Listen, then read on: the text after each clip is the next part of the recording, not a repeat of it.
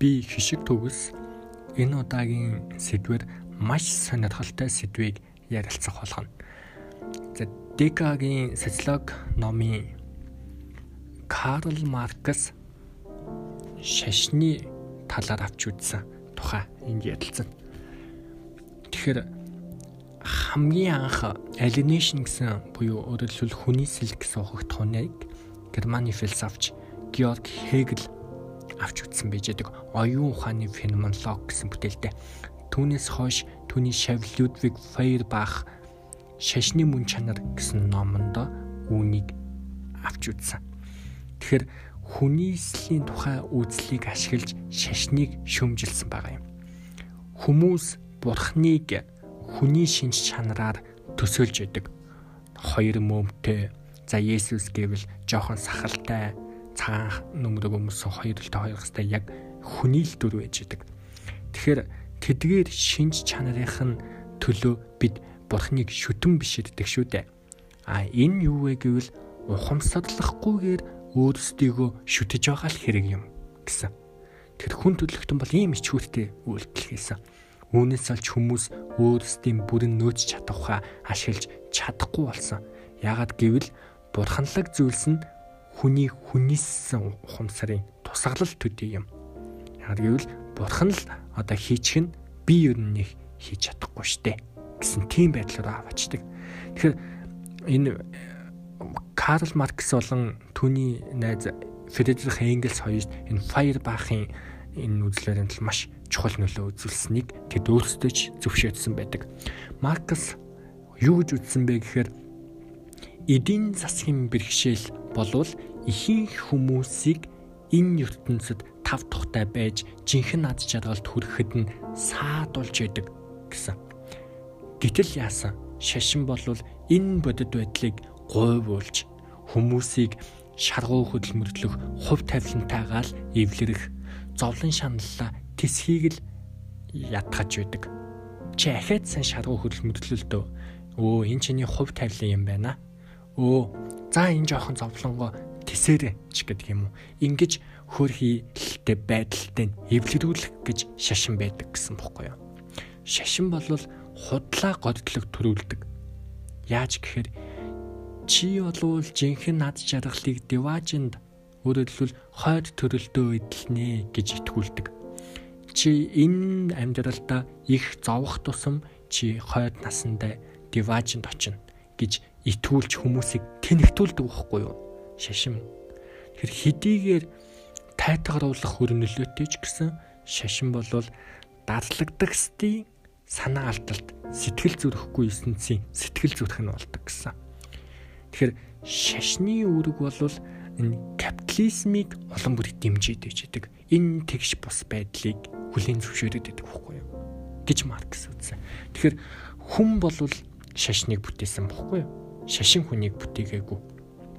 Марксийн аав нь бол ажилд орохын тулд жүүдийн шашнаас Христийн итгэгч болсон байдаг. Тэр ч байтхан Маркст хүүдээ юу гэж хэлсэн бэ гэхээр шашин бол ёсод тууныг сахихад зайлшгүй шаардлагатай гэсэн тийм ихтгэл үнэмшлийг сулгах гэсэн. Гэтэл Янг одоо Маркс залуу болоод нийгмийн дэг журмыг хангахад шашин хэрэгтэй гэсэн тэр санааг шүмжилдэг болсон. Яг гэвэл бодит байдалтай тэр нөгөө шашин чинь нийцэхгүй байгаа юм чинь. Тэгэхээр нас агсан хойноо секулярац гэж байгаа юм. Иргэнлэгжих гэдэг. За энэ нь бол нийгэмдэх шашны ач холбогдол буурах гэсэн санааг илэрхийлж байдаг. Тэгэхээр иргэнлэгчхүйн ард түмнийг нийгмийн дадлал шашны хэлбэрүүдээс чөлөөлнө гэсэн. Аль болох шашны ач холбогдлыг бууруулах хэрэгтэй. За тэрээд шашны үйл санаагаа яг Хеглийн эрхийн тухай философийн шүүмж гэсэн номд утасгасан. Маркс Хеглээс улбаатай цаашлбал Фейер бахаас дамжсан Марксийн хүнээслийн тухай үзэл санааг хөгжүүлсэн. Хүн шашныг бүтээдэггүй харин шашин хүнийг хүн шашныг бүтээдэг харин шашин хүнийг бүтээдэггүй шүүл гэдэг нь хамгийн гол байгаа юм. Яг тэгэхээр хүмүүс өөрсдөө бурхныг зохиосон гэдгээ мартцсан бохгүй юу? Өнөөх бурхан нь эргээд хүмүүсийг хяндаг болчихсон. Хүмүүс бүтээсэн зүйлээ гэтэл устгаж чадна штэ хувьсгалж ажилчин анги тэднийг боолчлагч капиталист нийгмийн үзэл судлалаад институт нь жам ёсны буюу зайлшгүй зүйл биш байхгүй юу? Харин ч түлхэн унгах боломжтой зүйл гэдгийг ажилчид ухаараач л гэсэн. Тэр цаг хүртэл материаллык гачигдал хүнийслээс үүдэлтэй өвчний шинж тэмдэг болох шашин орогшсоор л байна. Үүнээс болж зовлон шаналгасдад шашин нь тайтгарал гордлогыг л төрүүлээд байж байгаа. Францын философч Auguste Comte юу гэсэн гэхээр шашны итгэл бол учир шалтгааны учир ирэх зүйлийн балчир насны юм гэсэн. Яг үнтэй адил Маркс шинжлэх ухааны ачаар нийгэм улам дэвшнэ. Одоо шашин гэсэн тийм балчир наснаас салж шинжлэх ухаан гих насанд хүрэх хэрэгтэй гэсэн бохоггүй. Гэвч яасан шашныг ихтгэл үнэмшлийн тогтолцоо гэсэн утгаар биш харин нийгмийн тусгал гэх утгаар нь шүмжилсэн. Марксийн зорилго бол ажилчин ангийг капитализмын дарааллаас чөлөөлөх байсан ба удирдахч ангийн үзэл санаа нь нийгэмд ноёрхдаг өгөөд үүнийг дамжуулагч нэг аппарат нь сүм хийдэг гэсэн. Тэгэхээр сүм хийд ба төрийн тухай авч үз. Англид Английн нэгэн мэрэгэн хүн юу гэсэн гэхээр залбирал үлдэж байгаа улс төрийн нам бол сүм хийж юм гэсэн. Тэгэхээр Марксийн хувьд капиталист эрх ашигт үйлчилдэг ийм шашин мэтийн бүхий ил институтыг бол эсэг үүсэн дуусгууд болох хэрэгтэй байсан байгаа. Харин үүний оронд социализм, коммунизм зөвлөсөн хүмүүнлэг нийгэм байх хэрэгтэй. Марксийнхаа шашин нь оршиж байгаа төр нийгмийн тайтгарал зөвтгөл нь болоод идэг. Энэ муу мухай нийгмийг өрөвлөл хүлийн зөвшөөрөд идэг, дэмжиж идэг гэсэн үг. Сүм хийд өдөрдөгч ангийн эрх мэдлийг бурхны заасан төөрөөр бүтээсэн гэж тунхаглаж тэнхтэд байдаг байхгүй юу? Ажилчдын хэцүү амьдарал бол угаасаа л зайлшгүй гэдэг ч юм уу. Ажилчид хэцүү амьдарч ин гэдэг бол шудраг эсч гэдэг юм уу? Ингиж тайлбарлаж байдаг.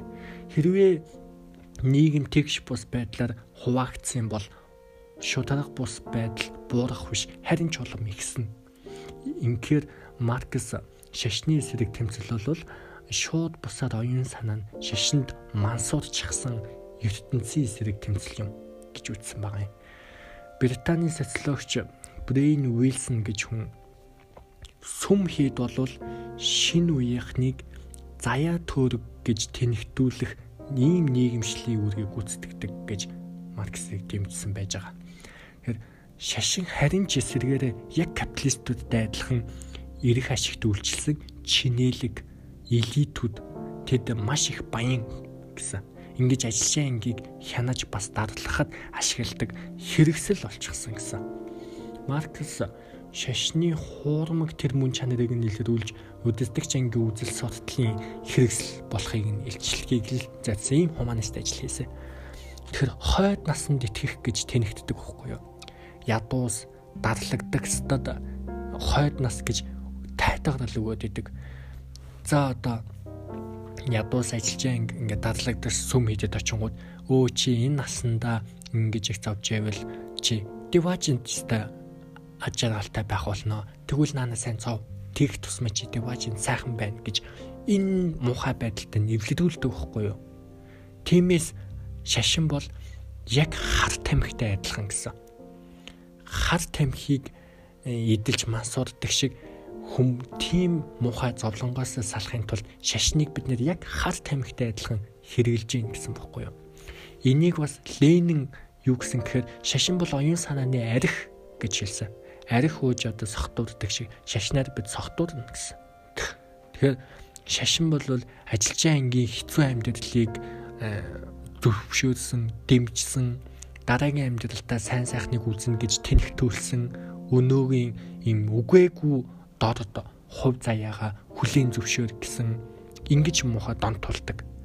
Ийм шашин бол ядуусыг байга байранд нь л байлгасан ахиж дэвжүүлэхгүй нийгмийн үйлчлэлтэд цаад учруулсан нийгмийн хяналтын хүчрэхийг ийм багаж хэлбэр болж хувирсан. Тиймээс анхны шашин гэдэг тийм хуманист төрхөө алдаж ийм ухаа капиталистийн үйлчлэгч бол болж хувирсан. Анхаарал тавьсанд баярлалаа.